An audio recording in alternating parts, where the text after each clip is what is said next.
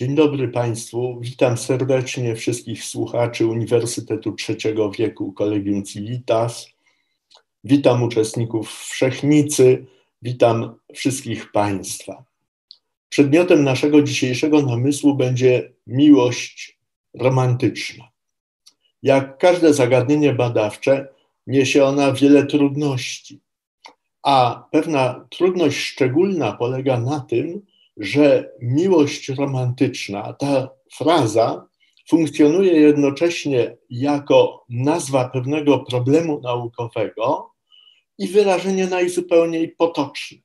Każdy z nas z nim się stykał. Mówił na przykład, że jakiś związek jego znajomych był prawdziwą, piękną miłością romantyczną, że pan Wokulski tak romantycznie adorował pannę Izabelę, chciał z nią stworzyć miłość romantyczną, że jakieś inne właśnie związki można określić takim mianem.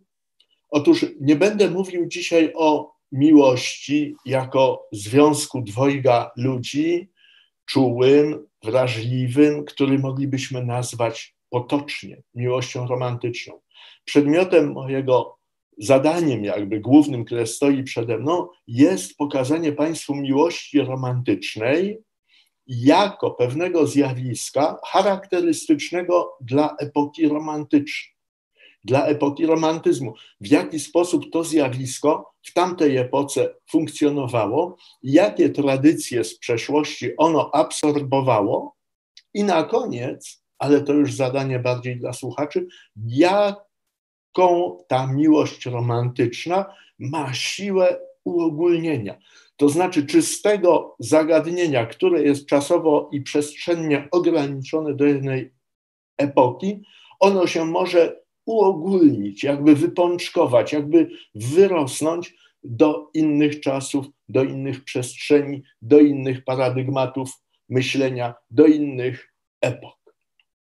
Miłość romantyczna ma wiele różnych cech, ale pierwszą z nich jest chyba to, że połączona jest ona z motywem śmierci. Eros idzie tutaj pod rękę z Tanatosem. Radość, szczęście pod rękę z cierpieniem i z bólem. Miłość nie jest w romantyzmie efektem wyboru, ale jest efektem pewnego skazania. Właśnie mówię to wyrażenie, używam tego słowa świadom, że skazanie nie łączy się nam z niczym dobrze, prawda? Że to jest ograniczenie naszej wolności. I miłość romantyczna, co ciekawe, y, nie sięgała do wzorców antycznych.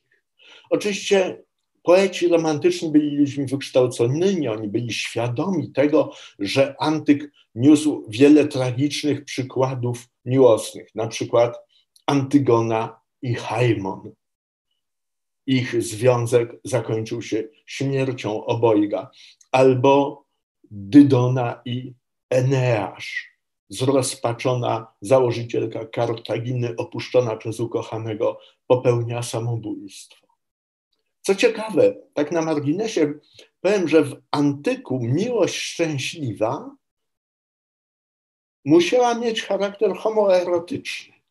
Na przykład w Akademii Platońskiej opieka, jaką tutor, jaką filozof roztaczał nad swoimi adeptami, rozciągała się także na sferę ich fizycznych kontaktów. Stąd Związki homoseksualne czasem nazywano miłością platońską.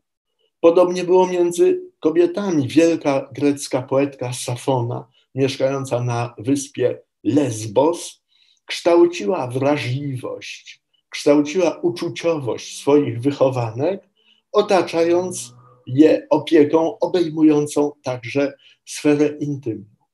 I ciekawe, że te elementy nie były przez romantyków przyjmowane. Oni najchętniej sięgali do motywów średniowiecznych.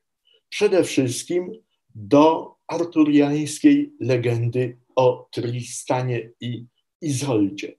Tristan i Izolda rycerz króla Kornwalii Marka i Izolda, księżniczka irlandzka, którą Tristan przywoził, eskortował jakby dla króla Marka, omyłkowo wypili eliksir miłości. I od tego momentu byli na siebie skazani. Proszę zacząć najdosłowniej, można powiedzieć, że pomiędzy nimi była mocna chemia, bo to był właśnie ten eliksir. I teraz wbrew wszystkiemu, wbrew rycerskiemu honorowi, wbrew danemu słowu, wbrew rozsądkowi, wbrew lojalności, ci ludzie muszą być razem aż do tragicznej śmierci. Drugą taką parą średniowieczną, którą bardzo lubili romantycy, był Abelard i Heloiza. O ile Tristan i Izolda to postaci mitologiczne, mające pewnie jakieś pierwowzory, ale niknące w mroku dawnych dziejów, to Abelard i Heloiza to są jak najbardziej postacie historyczne.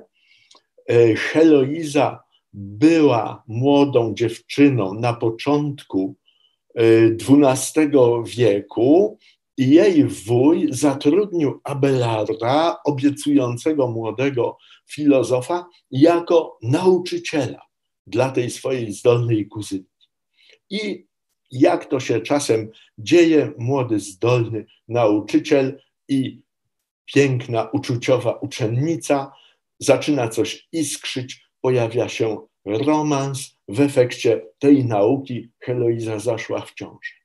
Kiedy jej opiekun odkrył prawdę o tym romansie, nasłał jakichś zbirów na Abelarda, którzy na, go napadli w jakimś ciemnym załuku średniowiecznego Paryża, pobili i wykastrowali. Jakimś cudem Abelard to przeżył. Oczywiście do Helo, z Heloizą już nie miał żadnego kontaktu, ale zamieszkał w klasztorze, uczył się i stał się jednym z najwybitniejszych scholastyków średniowiecza. Co się tymczasem stało z Heloizą? Urodziła syna, astrolabiusza, i też wstąpiła do zakonu, gdzie została przeoryszą. I kiedy ci ludzie już byli bardzo, bardzo dojrzali, jak na średniowiecze, dochodzili do pięćdziesiątki, to dowiedzieli się o sobie nawzajem i zaczęli wymieniać listy. Listy, w których dowodzili, że ta namiętność, która połączyła ich kilkadziesiąt lat wcześniej, nie wygasła, że wciąż Abelard jest dla tej kobiety najważniejszym mężczyzną, a Heloiza dla Abelarda najważniejszą kobietą. Że wciąż o tym pamiętają, ale to uczucie wysublimowało w kierunku filozoficznym i religijnym. Miłość fizyczna, miłość namiętna, miłość taka płonąca jak ogień, tutaj zamieniła się w pewną harmonię człowieka z Bogiem, człowieka z pewnym projektem, jaki e, został dla niego skrojony w religii chrześcijańskiej. I listy Abelarda i Heloizy, tutaj mamy jeden taki inicjał ze średniowiecznego kodeksu, zostały odkryte w XVII wieku, opublikowane i okazały się bestsellerem. Miały w ciągu stu lat kilkadziesiąt wydań, zaczytywano się dziejami tych nieszczęśliwych kochanków, ekshumowano prochy Heloizy i Abelarda i pochowano ich razem w jednym grobie na cmentarzu Père Lachaise. Można to oglądać. I popularność motywu Heloizy zainspirowała w drugiej połowie XVIII wieku wielkiego pisarza i myśliciela francuskiego, który z pochodzenia był Szwajcarem, mianowicie Jeana Jacques'a Rousseau. Tutaj widzimy Jean-Jacques Rousseau stoi, zbiera sobie kwiatki na tle swojej pustelni i Jean-Jacques Rousseau w roku 1761 czyli jak w Polsce panował jeszcze August III Sas i dobrze się miała zupełnie epoka baroku, to we Francji Jean-Jacques Rousseau opublikował listy dwojga kochanków, Julia, czyli Nowa Heloiza. Opublikował powieść w listach, gdzie wystąpił jako rzekomy wydawca pakietu korespondencji, y, który od kogoś tam otrzymał, opowiadający o miłości młodego, zdolnego mieszczanina Saint-Pré i arystokratki, chociaż nie ze zbyt bogatego rodu, Julii Detange. I ten związek Saint-Pré i Julii Detange przy, miał przypominać, ale jakby w wariancie już XVIII-wiecznym, sentymentalnym, związek Abelarda i Heloizy. Stąd ten tytuł Julia, czyli Nowa Heloiza.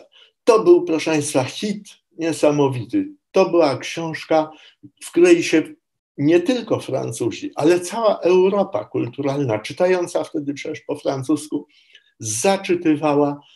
Książka, która jakby stworzyła pewien wzorzec miłości.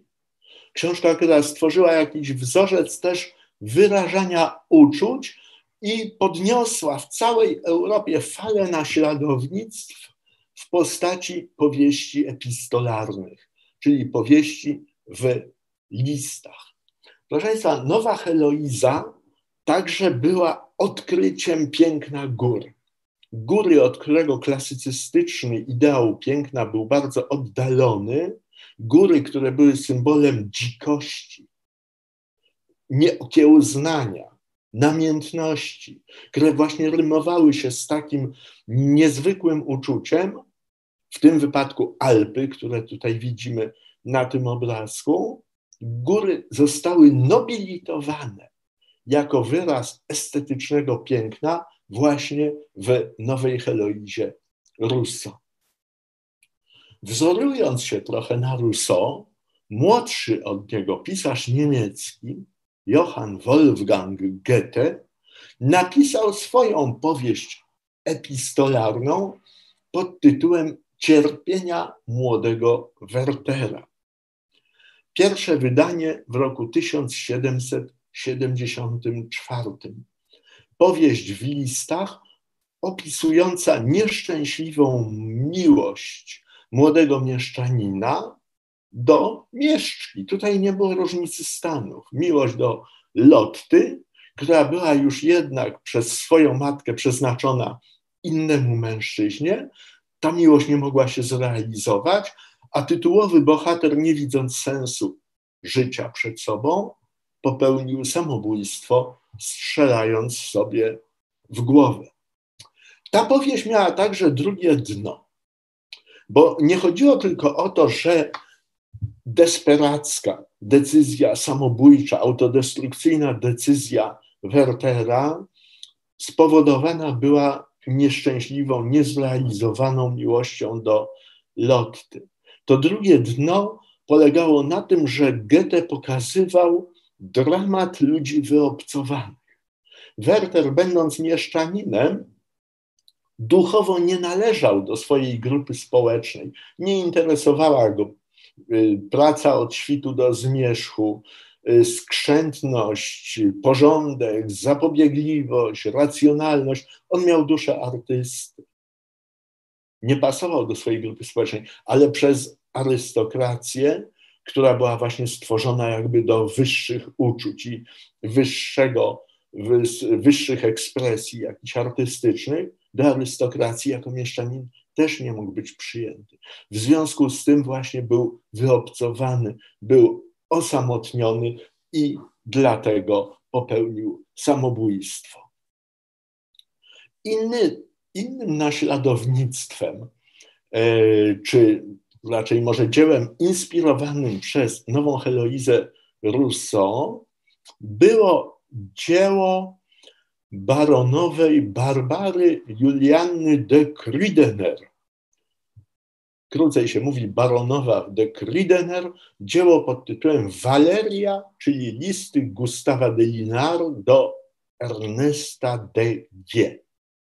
Otóż Baronowa de Kridener miała trochę y, wspólnego, trochę wspólnego z kulturą polską, bo ona pochodziła, była Niemką, pochodzącą z Infland i swoją powieść w listach napisała po francusku.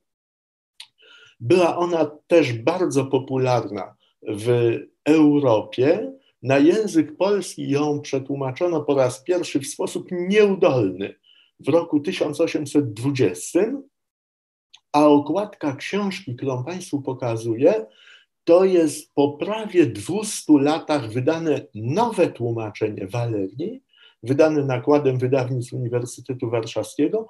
Autorką przekładu jest pani Maria Ciostek, moja doktorantka. Więc yy, bardzo naprawdę zachęcam. Jest to oczywiście książka, która jest dziełem swojej epoki i może dzisiaj trochę śmieszyć, ale naprawdę, jeśli ktoś chce tę epokę poznać, to powinien z dziełem baronowej de Kridener się zapoznać. Co jeszcze? Proszę Państwa, bohater dziadów wileńsko-kowieńskich Mickiewicza, drugiej i czwartej części dziadów, ma na imię Gustaw. I to imię Mickiewicz zaczerpnął właśnie z Walerii. Walerii, czyli listów Gustawa de Linar. Zresztą w takiej nieopublikowanej za życia Mickiewicza pierwszej części Dziadów właśnie dziewica wzdychając do idealnej miłości mówi ach Gustawie, ty boski Gustawie.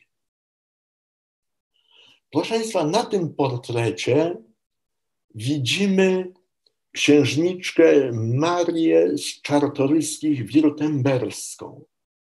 To była córka Adama Kazimierza Czartoryskiego i Izabeli z Flemingów Czartoryskiej, tej specjalistki od zakładania ogrodów, y, architektki intelektualnej y, rezydencji czartoryskich w Puławach i y, jednocześnie Maria była siostrą księcia Adama Jerzego Czartoryskiego, czyli tego szefa hotelu Lambert, nieszczęśliwa w małżeństwie, napisała powieść pod tytułem Malwina, czyli domyślność serca. Kolejna powieść epistolarna, ale, ale pierwsza polska powieść epistolarna, wydana w Warszawie w 1816 roku, pokazuje zawiłości miłosne tej tytułowej bohaterki Malwiny, która zakochuje się w niejakim Ludmirze, mężczyźnie niższego stanu. Wszystko ciągnie ją do owego Ludmira, ale później, kiedy w Warszawie widzi Ludmira na jakimś balu, to wszystko z kolei ją od tegoż Ludmira odpycha. I zagadka, zagadka rozwiązuje się tak, że to byli bracia bliźniacy. I już nie wchodząc w szczegóły, żeby było trudniej, obaj mieli na imię Ludmir i byli identyczni fizycznie, natomiast duchowo, charakterologicznie przeciwstawni. I Malwina wiedziała, że do jednego Ludmira ją ciągnie, a od drugiego Ludmira ją odpycha. Stąd ta wymieniona w tytule domyślność serca i pewien imperatyw, żeby kierować się sercem. Proszę Państwa, Ludwik Kropiński, generał napoleoński, literat, pozostawił po sobie powieść w listach zatytułowaną Julia i Adolf, czyli nadzwyczajna miłość dwojga kochanków nad brzegami Dniestru. Tak sobie myślę, że jeśli on był takim generałem jak literatem, to chyba nie chciałbym służyć pod jego rozkazami. Powieść jest okropna, ale znowu pokazuje sentymentalny gust epoki i pokazuje to, co w tej epoce było takie charakterystyczne, że uczucie, które w pierwszej połowie XVIII wieku należało jeszcze tłumić, którym nie należało się chwalić czy szczycić, uczucie stawało się centralnym przedmiotem ukazywania ludzkiego wnętrza. Ten pan z kolei to Julian Ursyn Niemcewicz. Za młodu jeszcze w epoce oświecenia, jako poseł na Sejm Wielki, ten, który uchwalił Konstytucję 3 maja, Niemcewicz napisał taką komedię polityczną Powrót posła. W okresie zaborów napisał powieść, między innymi powieść w listach pod tytułem Lejbe i Siora. Ciekawe, dlaczego Niemcewicz, w sumie taki wytrawny literat, nie miał wyczucia języka i napisał Lejbe i Siora, czyli listy dwóch kochanków. Dzisiaj byśmy to czytali, że to jest, no wiecie, że Lejbe i Siora to jacyś są faceci, a przecież nie o to chodzi. Lejbet, czyli, yy, czyli Lejbusz, to jest Żyd, a Siora to jest jego ukochana Żydówka. Romans Niemcewicza jest ciekawy o tyle, że tutaj po raz pierwszy przedstawiciele ludności żydowskiej stali się pozytywnymi bohaterami literackimi. Ukazano ich duchowe wnętrze i ukazano także ich duchowe roztery. Proszę Państwa, powieść w listach to, był, to było pewne laboratorium ukazywania uczuć. Następną fazą, już romantyczną, była powieść poetycka. I naj, najwybitniejsze artystycznie dzieło tego gatunku wyszło spod pióra Antoniego Malczewskiego. Tutaj widzimy portret, rysunek przedstawiający Antoniego Malczewskiego. Jak to się mówi, autor unus libri. To był autor jednej tylko książki, poematu, powieści poetyckiej pod tytułem Maria, która już w formie wierszowanej, Maria jako tytuł dzieła, w formie wierszowanej ukazała nieszczęśliwe dzieje miłości rycerza Wacława, syna wojewody, bogatego arystokraty i Marii, córki miecznika, zwykłej szlachcianki.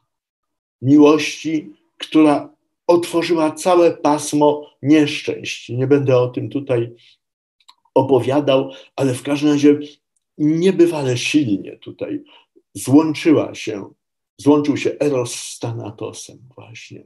Miłość prawdziwa, bezinteresowna, piękna, z zawiścią, okrucieństwem i brakiem empatii innych ludzi. I proszę Państwa, dochodzimy do głównego bohatera naszego dzisiejszego spotkania Adam Mickiewicz.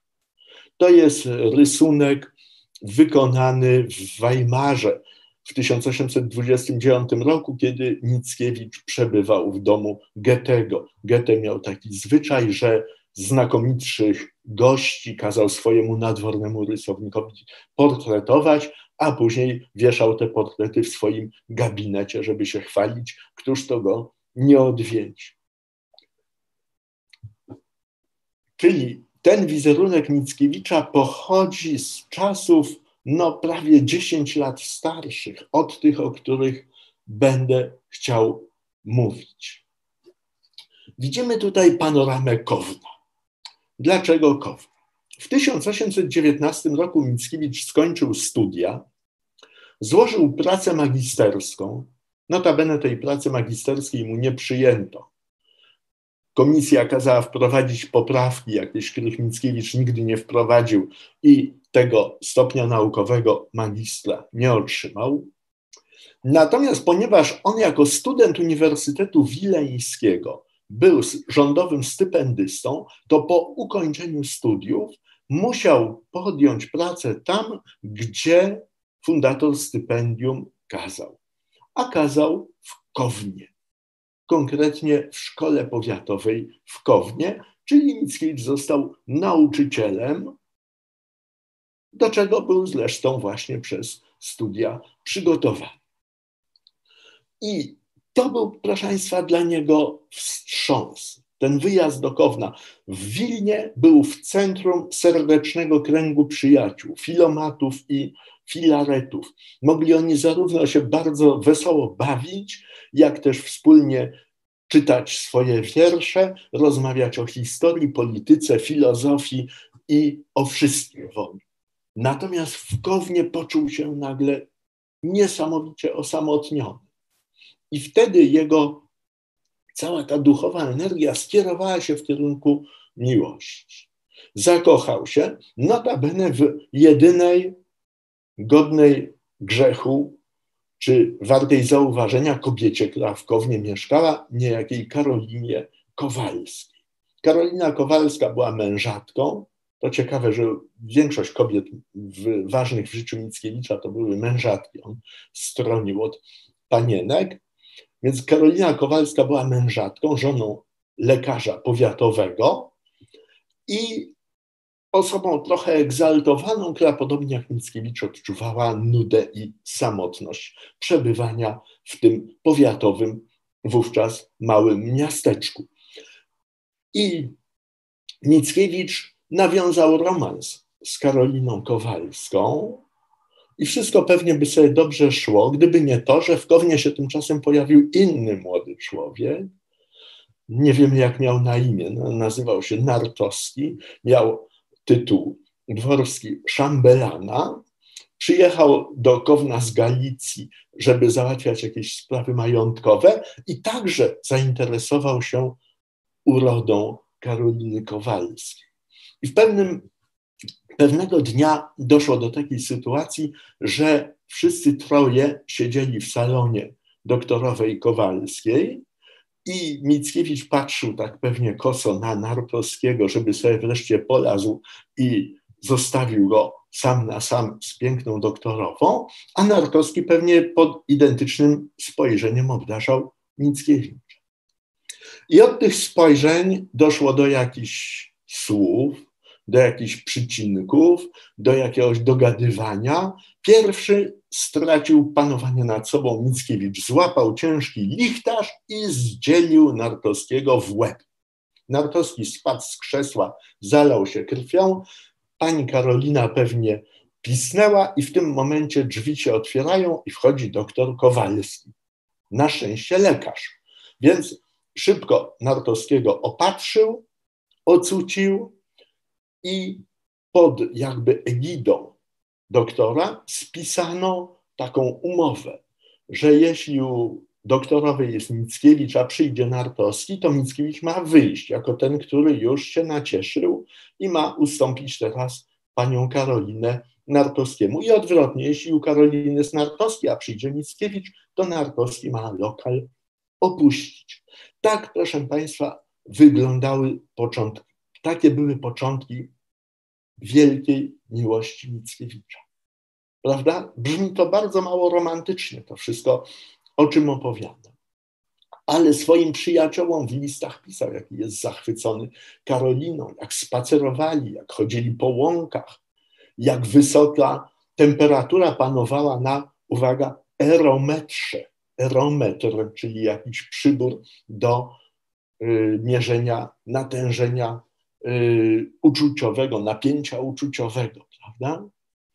I proszę Państwa, kiedy w 1821 roku, dam tutaj ten obrazek, na początku 1821 roku przyjaciele y, poinformowali Mickiewicza, że jego daleka znajoma, Marianna Wereszczakówna, wychodzi za mąż za ich znajomego, hrabiego Wawrzyńca Putkanera, to Mickiewicz nagle dostał szału. Poczuł, że jest zdradzony, że kobieta, którą naprawdę kochał i bez której nie chciał żyć, właśnie go opuściła, łącząc się z jakimś arystokratą. Teraz wrócę na chwilę do wcześniejszego slajdu. To jest dwór w Tuchanowiczach, niedaleko Nowogródka, gdzie mieszkał przyjaciel Mickiewicza z czasów studiów, niejaki Michał Wereszczaka. To są wszystko okolice bardzo bliskie. Blisko siebie jest Zaosie, Nowogródek, Tuchanowicze, Jezioro Świteś. Ta ziemia mickiewiczowska, którą on miał w pamięci, później pisząc w Paryżu Litwo, ojczyzna moja, to, było, to był w sumie obszar wielkości dzisiejszego powiatu. I Mickiewicz na, w, Tuchanowiczach się pojawił w czasie wakacji 1819 roku i wtedy zapewne po raz pierwszy widział Marylę jako siostrę swojego kolegi. Nie zrobiła na nim wielkiego wrażenia. Jest taka nawet relacja, że Mickiewicz miał powiedzieć: Poznałem siostrę Michała, wysoka gęś z płaską piersią. No to jak się o kimś mówi wysoka gęś z płaską piersią, to raczej to nie jest chyba jakaś wybranka, prawda, na wieki, jakaś osoba najważniejsza. Nie wiem, czy Maryla była piękna, ale w każdym razie na pewno była osobą fascynującą. I Mickiewicz po jej ślubie do Wilna zaczął do przyjaciół słać rozpaczliwe listy właśnie, że został zdradzony, a przyjaciele odpisywali mu, jak to? Przecież ty jesteś zakochany w doktorowej Kowalskiej. Co się tutaj dzieje? I Mickiewicz zirytowany napisał wtedy taki wiersz pod tytułem Żeglarz, gdzie samego siebie przedstawia właśnie jako takiego żeglarza, samotnie miotającego się na łodzi, y, walczącego z wichrem i burzą, a przyjaciół jako ludzi, którzy nie podejmują takiego ryzyka, ludzi, którzy wolą bezpiecznie stać na brzegu. I w pewnym momencie podmiot liryczny tego wiersza żeglarz mówi i razem ze mną, pod strzałami gromu, co czuje inni uczuć chcieliby daremnie. Sąd nasz, prócz Boga, nie dany nikomu. Chcąc mnie sądzić, nie ze mną trzeba być, lecz we mnie. Ja płynę dalej, wy idźcie do domu. Rozdzielił się, oddzielił się, odseparował się tutaj od przyjaciół, którzy nie potrafili zrozumieć jego wnętrza, jego uczuć, nie potrafili uwierzyć w to, jak bardzo poetą wstrząsnęło za mąż pójście Maryi. Co ciekawe, zdumiona była też sama Maryla. Ona nie wiedziała, że jest kimś ważnym dla Mickiewicza. Zdumiony był też Wawrzyniec Putkamer, jej mąż, który niezwykle wysoko cenił poezję Mickiewicza. Młoda para zamieszkała w majątku Putkamera, czyli w Bolcienikach. Tutaj na tym slajdzie widać y, obecny wygląd tego dworu w Bolcienikach.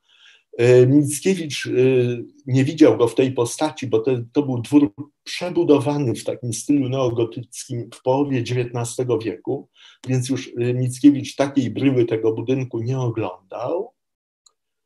I proszę Państwa, kiedy Wawrzyniec Putkamer i Maryla dowiedzieli się jakby, że ona jest kimś tak ważnym dla Mickiewicza, to postanowili oboje ułatwić mu romans z tą młodą mężatką. Mickiewicz pracował jako nauczyciel w Kownie. Oni mieszkali w Bolcienikach, to było kilkadziesiąt kilometrów, więc żeby umożliwić schadzki, zakochanym, bo Maryla też nagle odkryła w sobie, że kocha Mickiewicza, to Putkamerowie kupili mu konia, a dokładniej klacz, którą nazwano po angielsku, to była tam moda na Anglię byronowska, prawda, wczesnoromantyczna, nazwali tę klacz Beauty i nocą z soboty na niedzielę Mickiewicz z Kowna tup, tup, tup, cwał, cwał przyjeżdżał do Bolciennik, gdzie Maryla czekała go już kilkaset metrów od domu w takim gaiku, lasku i tam normalnie zostali kochankami, uprawiali seks i cieszyli się nawzajem sobą. Także to, że tak powiem, w rzeczywistości nie wytrzymuje krytyki mit Gustawa i dziewicy, opowieści o idealistycznej i wyidealizowanej miłości Maryli Wereszczakówny i Adama Mickiewicza. W rzeczywistości miało to zupełnie inny przebieg, a kochankowie spotykali się w tym gaiku przy takim kamieniu. Ten kamień istnieje do dzisiaj, jest w tym miejscu. nie wiem, mnie to zawsze jakoś chwytało za serce, ilekroć byłem przy tym kamieniu, że stoję w tym samym miejscu właśnie, gdzie przebywał Mickiewicz. I proszę Państwa, po procesie filomatów i filaretów i po zesłaniu Mickiewicza w głąb Rosji, Maryla sama przychodziła do tego kamienia przez kilka lat. Nie wiem, czy na tym slajdzie to dobrze widać. Nie znalazłem w internecie lepszej ilustracji. Przez kilka lat, drapiąc ten kamień kozikiem, wyrzeźbiła na nim krzyż. I tutaj spójrzcie Państwo, zacząć, to można wszystko oglądać. To jest w Bolcienikach na dzisiejszej Białorusi.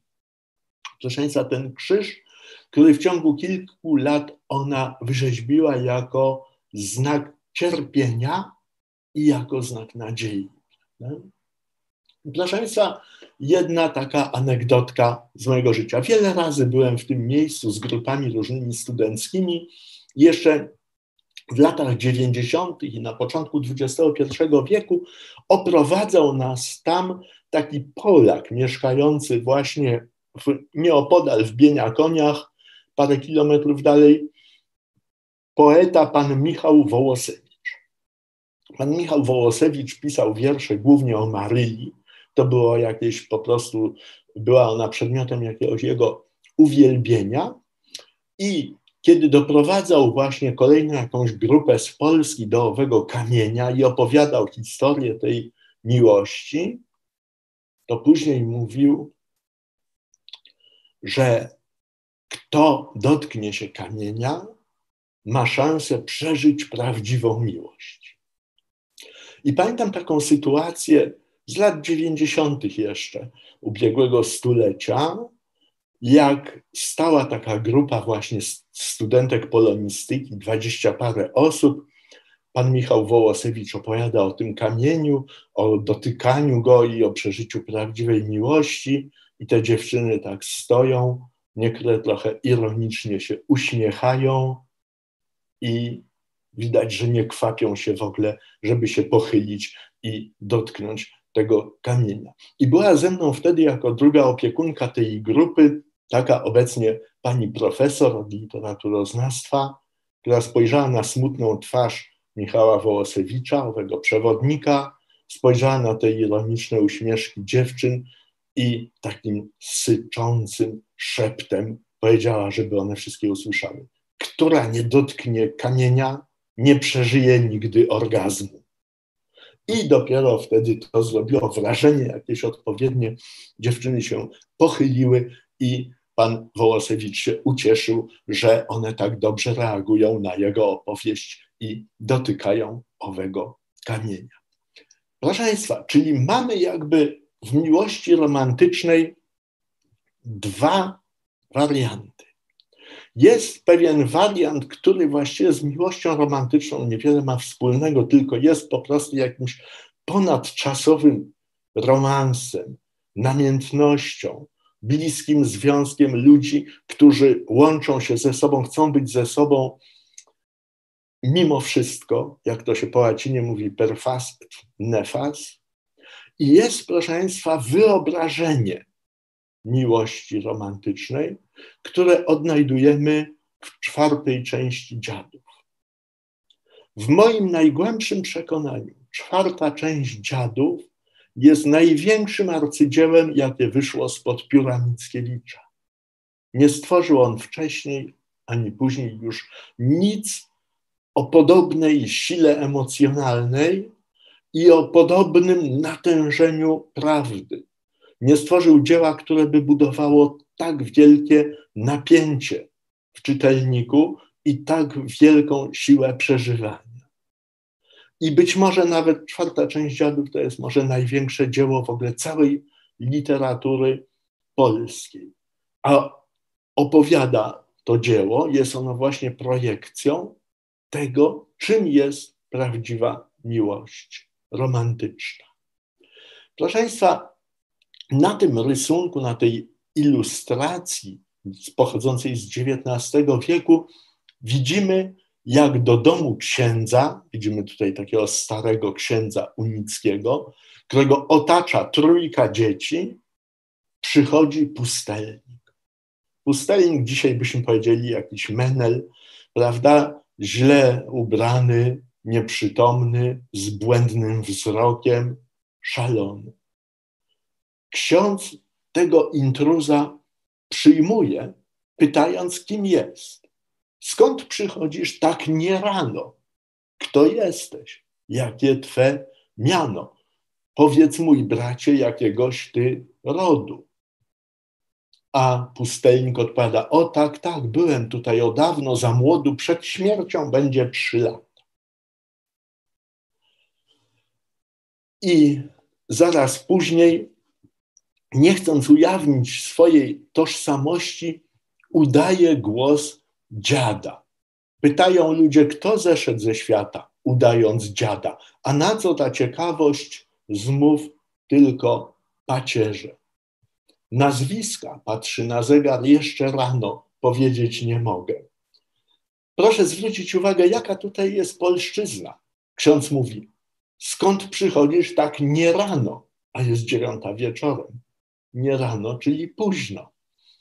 I pustelnik odpowiada mu taką samą kresową odmianą polszczyzny.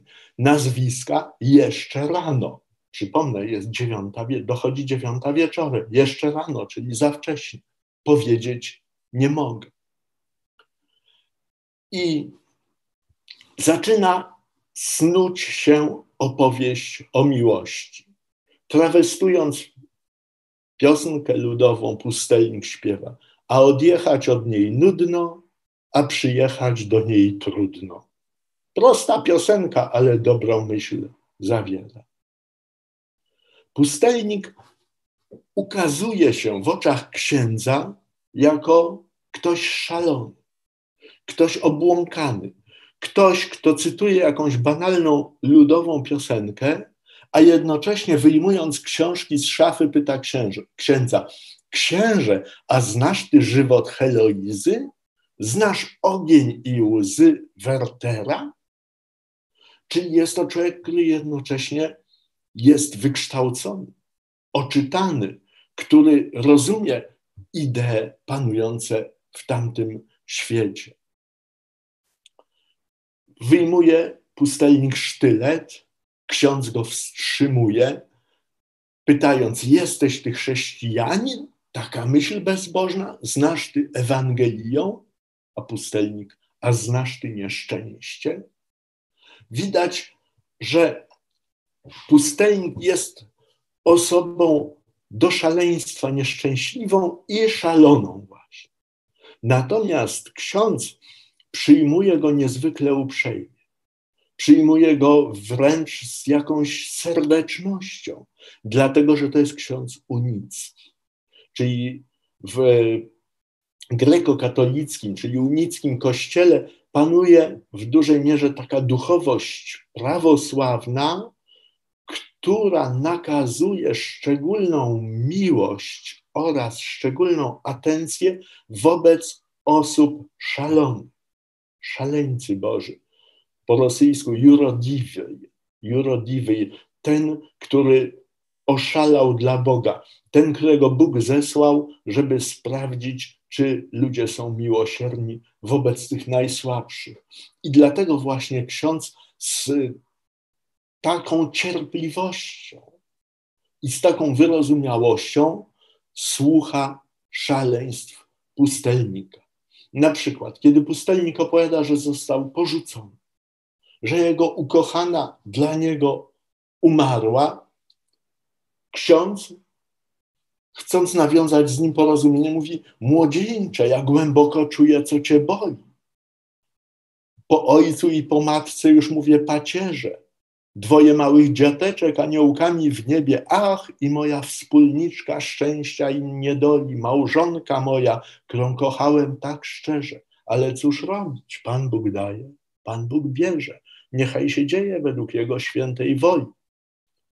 Z tej całej mowy pustelnik wyłapuje jedno słowo. Żona?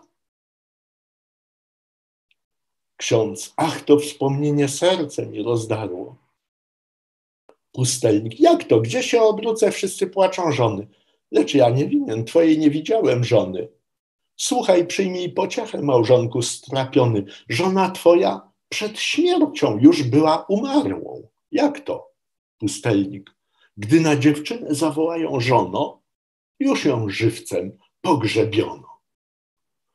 Czyli widzimy tutaj taką opozycję między małżeństwem a miłością romantyczną.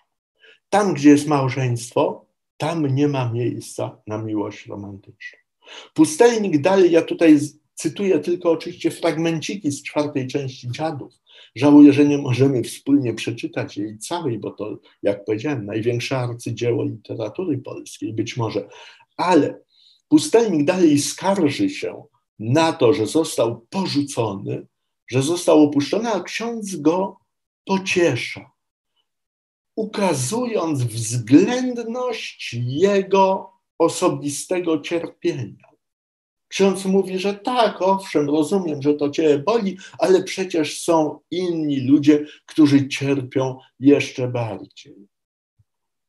I pustelnik jest zdziwiony argumentacją księdza, notabene argumentacją, która jest przecież banalna. I mówi, musi posiadać czarodziejskie sztuki, albo też nas podsłuchał i wszystko pamięta. Zwracając się do księdza, wszak ja od niej słyszałem też same nauki, cała rzecz, słowo w słowo, jak z ust jej wyjęta, przy owym pożegnaniu owego wieczora. I z ironią, właśnie, właśnie, to była do kazania pora, Słyszałem od niej słówek piękno brzmiących wiele, ojczyzna i nauki, sława, przyjaciele, lecz teraz groch ten całkiem od ściany odpada, ja sobie spokojnie drżyję. Ojczyzna i nauki, sława, przyjaciele, to są hasła filomatyzmu. Odwołanie właśnie do haseł przyjaźni, do szczytnych ideałów, którym służyli ci człon, studenci Uniwersytetu Wileńskiego, członkowie tego burszowskiego zgromadzenia, miało osłodzić czy pocieszyć, czy ukazać we właściwych proporcjach stratę ukochanych. Pustelnik dalej śpiewa: Młodości, ty nad poziomy wylatuj, a okiem słońca ludzkości całe ogromy przeniknij z końca do końca. Pustelnik cytuje tutaj Odę do młodości Mickiewicza, którą znali wtedy tylko jego przyjaciele, krążyła w rękopisie. Pierwszy raz Oda do młodości wydana została drukiem kilka lat później, niedługo przed wybuchem powstania listopadowego. Więc w czwartej części dziadów pustelnik, czyli Gustaw, ukazuje, jak daleko się odseparował, jak daleko odszedł od tych ideałów wspólnotowych. Ksiądz uspokaja pustelnika, mówiąc, że każdy, czytam tutaj wersję, yy, kwestię księdza, na cóż nam te zdrady, spowiedź i podstępy, chociaż się dziwnym kłębkiem twoja żałość gmatwa, lecz czyj wzrok na bieg czucia nie jest całkiem tępy, temu do, do wywikłania tajemnica łatwa. Ale Gustaw, czyli pustelnik, już jest w, w szponach, mocno schwytały go szpony obsesji. Myśli tylko, skąd ksiądz zna te słowa, skąd ksiądz zna te argumentacje. I po pauzie sobie przypomina. Był ranek. Kiedy dumam narzeka mi jęcze, deszcz lał jak z wiadra, tęgi wicher dmuchał. Utuliłem głowę w krzaczek i z łagodnym uśmiechem ten ladaco mnie podsłuchał, lecz nie wiem, czy tylko jęki, czy nawet imię podsłuchał, bo bardzo blisko był krzaczek. Ksiądz, o biedny, biedny młodzieńcze, co mówisz? Kto cię podsłuchał? I pustelnik poważnie, kto? Oto pewny robaczek maleńki, który pełzał tuż przy głowie. Świętojański to robaczek. Ach, jakie ludzkie stworzenie. Przypełznął do mnie i powie, zapewne mnie chciał pocieszyć. Biedny człowieku, po co to jęczenie? Ej, dosyć rozpaczą grzeszyć. Kto temu winien, że piękna dziewczyna, żeś czuły? Nie twoja wina. Patrz, mówił dalej robaczek, na iskrę, co ze mnie strzela i cały objaśnia krzaczek. Zrazu szukałem w niej chluby, teraz widzę, że będzie przyczyną mej zguby i zwabi nieprzyjaciela. Iluż to braci moich złe jaszczurki spasły. Klołem więc ozdobę własną, która na mnie śmierć sprowadza. Chcę, żeby te iskry zgasły, ale cóż robić? Nie moja w tym władza i póki żyję, te iskry nie zgasną. Gustaw mówi po pauzie, pokazując na serce. Tak, póki żyję, te iskry nie zgasną. Chwila odpoczynku od tekstu. Mamy obrazek znowu, mebel. Ten mebel nazywa się kantorek. Kantorek to był taki rodzaj biurka, właśnie tak jak tutaj, z wysuwanymi lub otwieranymi blatami, z licznymi szufladkami. W kantorku chowano pieniądze, dokumenty, weksle, akty własności, orzeczenia sądowe. Kantorek jest symbolem policzalnej strony życia, mierzalnej strony życia. W domu księdza stoi właśnie kantorek. Myślę, że nie tak elegancki. Kiedy szukałem slajdów w sieci do dzisiejszego wykładu, nie znalazłem żadnego ciekawego kantorka oprócz tego. Ten pochodzi, proszę Państwa, z Muzeum Literackiego Puszkina w Petersburgu. Więc być może Mickiewicz widział ten mebel, odwiedzając Aleksandra Sergiejewicza w jego petersburskim mieszkaniu. W każdym razie pewnie mniej elegancki i nie tak piękny kantorek stał w mieszkaniu księdza. I kiedy Gustaw mówi, tak, póki żyje, te iskry nie zgasną, dzieci, na je, dzieci księdza na jego opowieść reagują tak. A posłuchajcie, a jaki cud, jaki tato, słyszałeś o cudzie? Ksiądz odchodzi ściskając ramionami, traci cierpliwość. Ksiądz wzrusza ramionami. A dzieci dalej, czy można, żeby robaki rozmawiały tak jak ludzie? Pustelnik, czemuż nie? Chodź tu, malcze, pod kantorek, nachyl się i przyłóż uszko. Tu biedna duszka prosi o troje paciorek. Aha, słyszysz jak kołata? Dziecko, tak, tak, tak, tak, tata, tata, a dali Bóg, że kołata jak zegarek pod poduszką. Co to jest? Tatatek, tatek. Pustelnik. Mały robaczek, kołatek, a niegdyś wielki lichwiarz. Do kołatka. Czego żądasz, duszko? Udaje głos. Proszę o troje paciorek.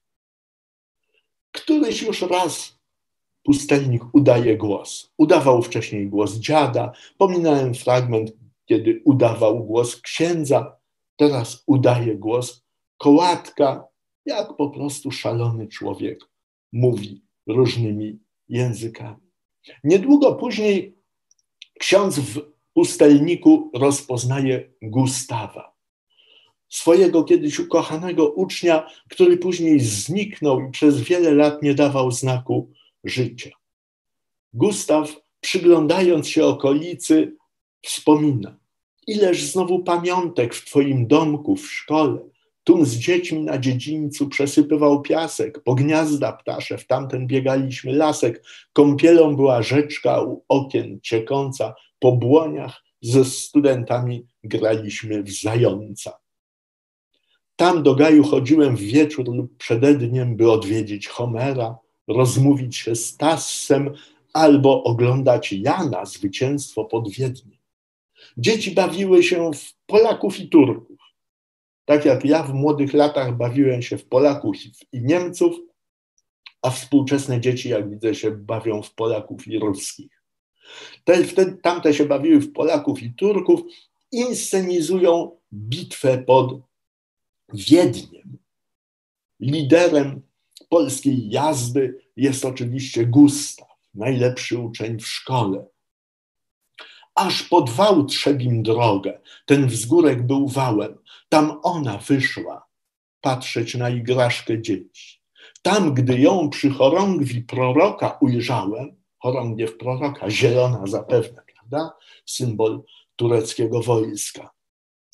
Tam, gdy ją przy chorągwi proroka ujrzałem, natychmiast umarł we mnie Gottfried Jan III. Odtąd wszystkich spraw moich, chęci, myśli Panią, ach, odtąd dla niej tylko o niej, przez nią, za nią. Proszę Państwa, to jest najważniejsze w miłości romantycznej. Do niej się nie dojrzewa. Ona przychodzi jak piorun, jak uderzenie. Ona jest czymś niespodziewanym. Tak jak Gustaw tu opowiada, natychmiast umarł we mnie Gottfried i Jan III. I mało tego, kobieta nie jest tutaj, dziewczyna, panna, nie jest tutaj obiektem pożądania, tylko jest obiektem deifikacji. Staje się bóstwem. Kiedy mówię o tym tekście ze studentami, zwracam uwagę na tę frazę: Ach, odtąd dla niej, tylko o niej, przez nią, za nią. Współczesny czytelnik nie czuje już, że to jest trawestacja fragmentu liturgii mszy świętej. Współcześnie to brzmi tak, że ksiądz mówi przez Chrystusa, z Chrystusem i w Chrystusie. Ale po łacinie tam były same zaimki. Per ipsum et cum ipso et in ipso. Przez niego, z nim i w nim. Dla niej tylko, o niej, przez nią, za nią. Ona się staje bóstwem, jak Chrystus. Tu mnie pierwszej rozmowy uczciła wyrazem. Tutaj na wzgórku Russa czytaliśmy razem. Proszę zobaczyć, jak się zmieniają lektury, już nie Homer, Rousseau. Altankę jej pod tymi uwiązałem chłody. Z tych lasów przynosiłem kwiateczki, jagody, z tych zdrojów, stojąc przy mnie, wywabiała wędką srebrnopiórego karpia. Pstrąga z kraśną centką, a dziś płacze. Dla mnie są bardzo ważne te ryby, które, które ukochana łapała na wędkę. Dlatego, że to pokazuje kult szczegółu. To pokazuje, jak dla Mickiewicza ważny był autentyzm, szczególnie ten pstrąg z czerwoną plamką na głowie. Taki słodkowodny pstrąg, którego nie, tej plamki nie mają pstrągi hodowlane, które kupujemy w marketach współcześnie. Tamten pstrąg miał czerwoną plamkę na głowie i trzeba go było autentycznie pokazać, żeby czytelnik uwierzył w autentyzm, w prawdę tego uczucia i w prawdę tego, co się tutaj wydarza. Gustaw płacze, ksiądz go pociesza, a Gustaw jakby swoje całe losy streszcza przypowieścią o kamieniu. To jest taki fragment umieszczony mniej więcej w centrum czwartej części Dziadów. Wydaje mi się, że to jest takie jądro tego dzieła. To jest taki punkt, z którego promieniuje intelektualna i emocjonalna energia tego tekstu. Gustaw mówi tak. Gdybyś wziął martwy kamień, z którym igra dziecię, i gdybyś z tym kamieniem obchodził po świecie, a potem do ojczyzny wróciwszy z daleka ten sam kamień, dla tegoż samego człowieka, co nim kiedyś jak dziecko igrał przy piastunie, dziś dla starca zmarłego dał pod głowę w trunie, gdyby z tego kamienia gorzka łza nie ciekła, Księże, kamień bez sądu rzuć prosto do piekła. Proszę Państwa, tutaj streszczona jest romantyczna antropologia Mickiewicza. Prawda o ludzkim losie. Dziecko bawi się kamieniem. Jest beztroskie, roześmiane, szczęśliwe, Ktoś ten kamień mu odbiera i jedzie w daleką podróż, a przez ten czas to dziecko staje się młodzieńcem, dojrzałym człowiekiem, wreszcie starcem i umiera. I kiedy wschodnim obyczajem leży w otwartej trumnie, żeby wszyscy mogli się z nim pożegnać, ten podróżnik wraca z owym kamieniem i wkłada ten kamień pod głowę zmarłego. Gdyby z tego kamienia gorzka łza nie ciekła, księże kamień bez sądu rzuć prosto do piekła. Proszę zobaczyć, to jest symbol martwoty. Kamień przecież nie żyje, a musi zapłakać, gdy spojrzy w tę twarz poraną zmarszczkami. W tę, w tę twarz, która jest jakby pamiętnikiem wszystkich nieszczęść i trudów, i bólu, i cierpienia, jakie na tego człowieka spadły. Tę twarz, którą wcześniej widział jako twarz beztroskiego dziecka. Życie ludzkie jest po prostu pasmem udręk, cierpienia, bólu i kamień musi nad tym zapłakać. Ksiądz oczywiście dalej pociesza Gustawa, który uważa, że jego związek z ukochaną został zaaranżowany przez samego Boga. O nie, nas Bóg urządził ku wspólnemu życiu, jednakowa nam gwiazda świeciła w powiciu. Tu dość powiedzieć, że Mickiewicz się urodził w Wigilię 24 grudnia 1798 roku, a Maryla urodziła się dokładnie rok później, 24 grudnia 1799 roku.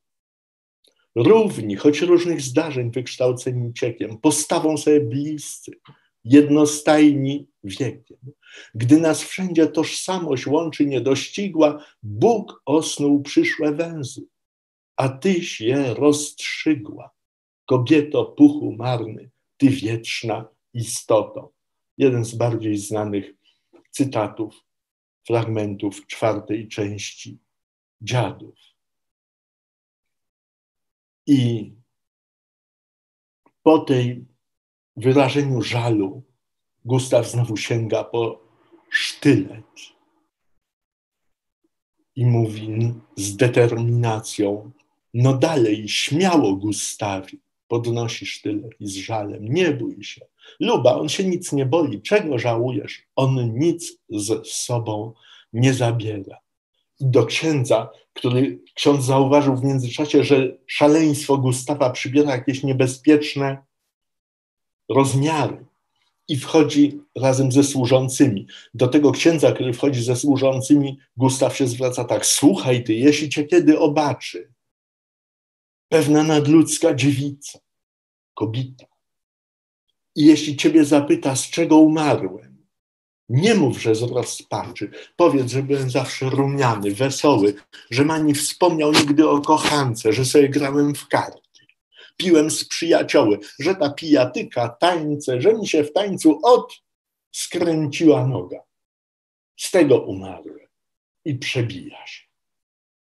Ksiądz jest przerażony chce go ratować, czeka, kiedy Gustaw upadnie, ale nie upada. I nie rozumiejąc wydarzeń, które się rozgrywają na jego oczach, ksiądz jakby, który był do tej pory taki elokwentny, za nie mówił.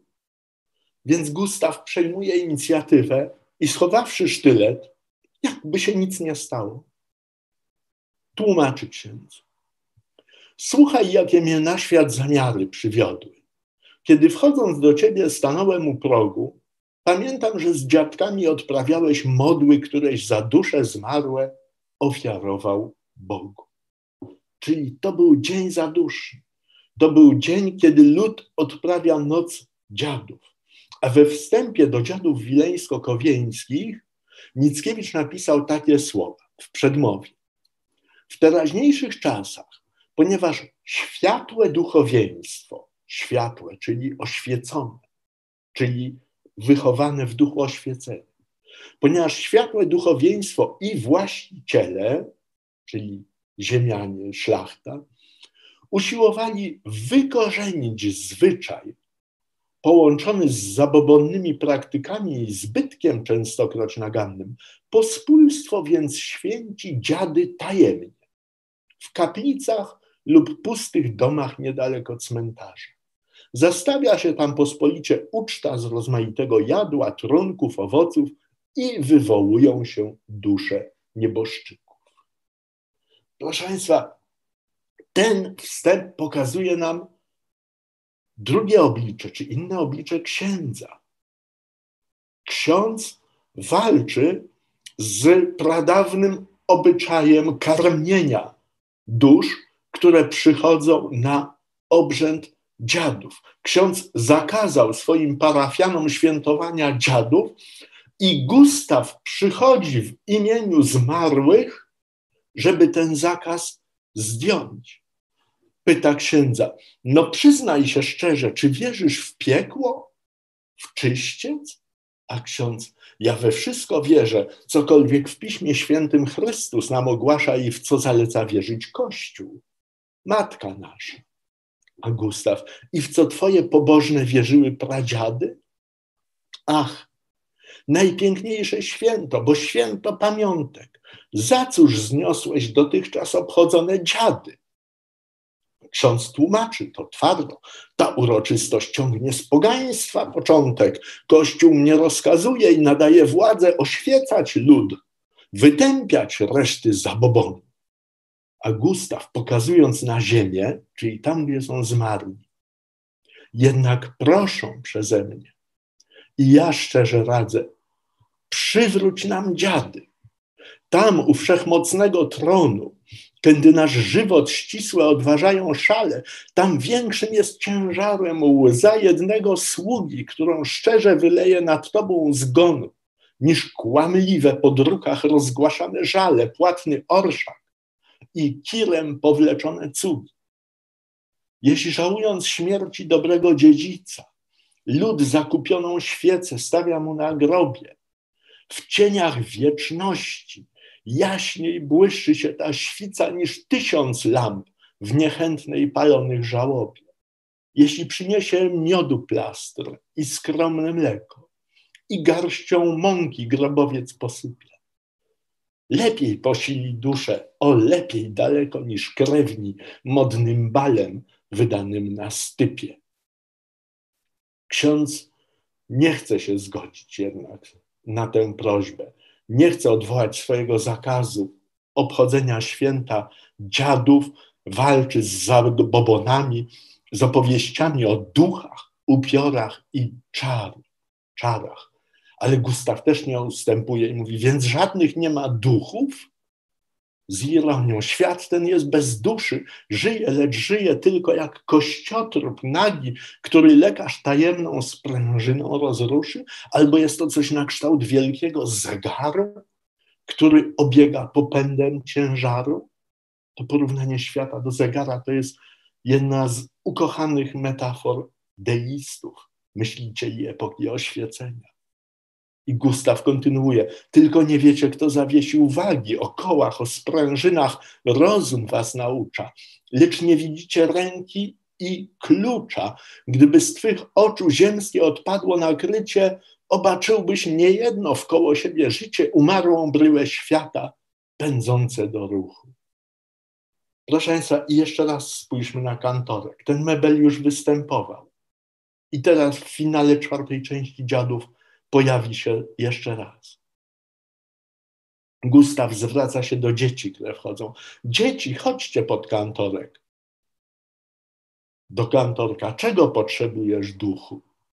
Głosy z kantorka. Proszę o troje paciorek. Słuchajcie, Państwo, takie banalne określenie, ta, taka dziecięca, infantylna wręcz prośba. Proszę o troje paciorek, ale wypowiada ją głos z kantorka to nie jest już żadne szalbierstwo, to nie jest już żadna maskarada, to nie jest już żadne udawanie przez Gustawa. Głos z kantorka mówi, proszę troje paciorek, okazało się, że tam naprawdę siedzi ten duch w postaci tego kołatka, tego owada, co gryzie owe deski. Ksiądz jest przerażony. W imię Ojca niech biega, altarystę zbudzi, słowo stało się ciałem.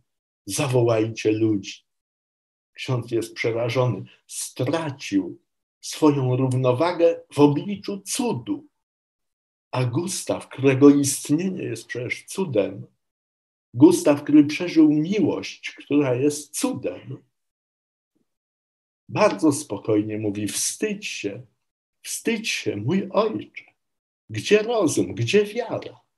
Krzyż jest mocniejszy niż wszyscy ludzie twoi, a kto się Boga boi, ten się nic nie boi. I proszę Państwa, mniej więcej na tym czwarta część dziadów się kończy. Jaki, co to ma wspólnego z miłością romantyczną? Miłość romantyczna jest nieszczęściem. Tak jak miłość Abelarda i Heloizy wysublimowała w wiedzę, wysublimowała w poznanie, to miłość romantyczna przez to, że jest nieszczęściem, że wiedzie ku śmierci, że wiedzie ku zatracie, jednocześnie jest najlepszą akademią życia. Jest tym ogromnym szczęściem, jakie człowiekowi może, poznać, może dać poznanie prawdy o sobie samym, o świecie, o miejscu wśród innych ludzi. Miłość romantyczna to przede wszystkim poznanie. Miłość romantyczna to akademia. Aspekt erotyczny w miłości romantycznej jest najmniej ważny. Ważny jest aspekt poznawczy. Bardzo dziękuję za uwagę.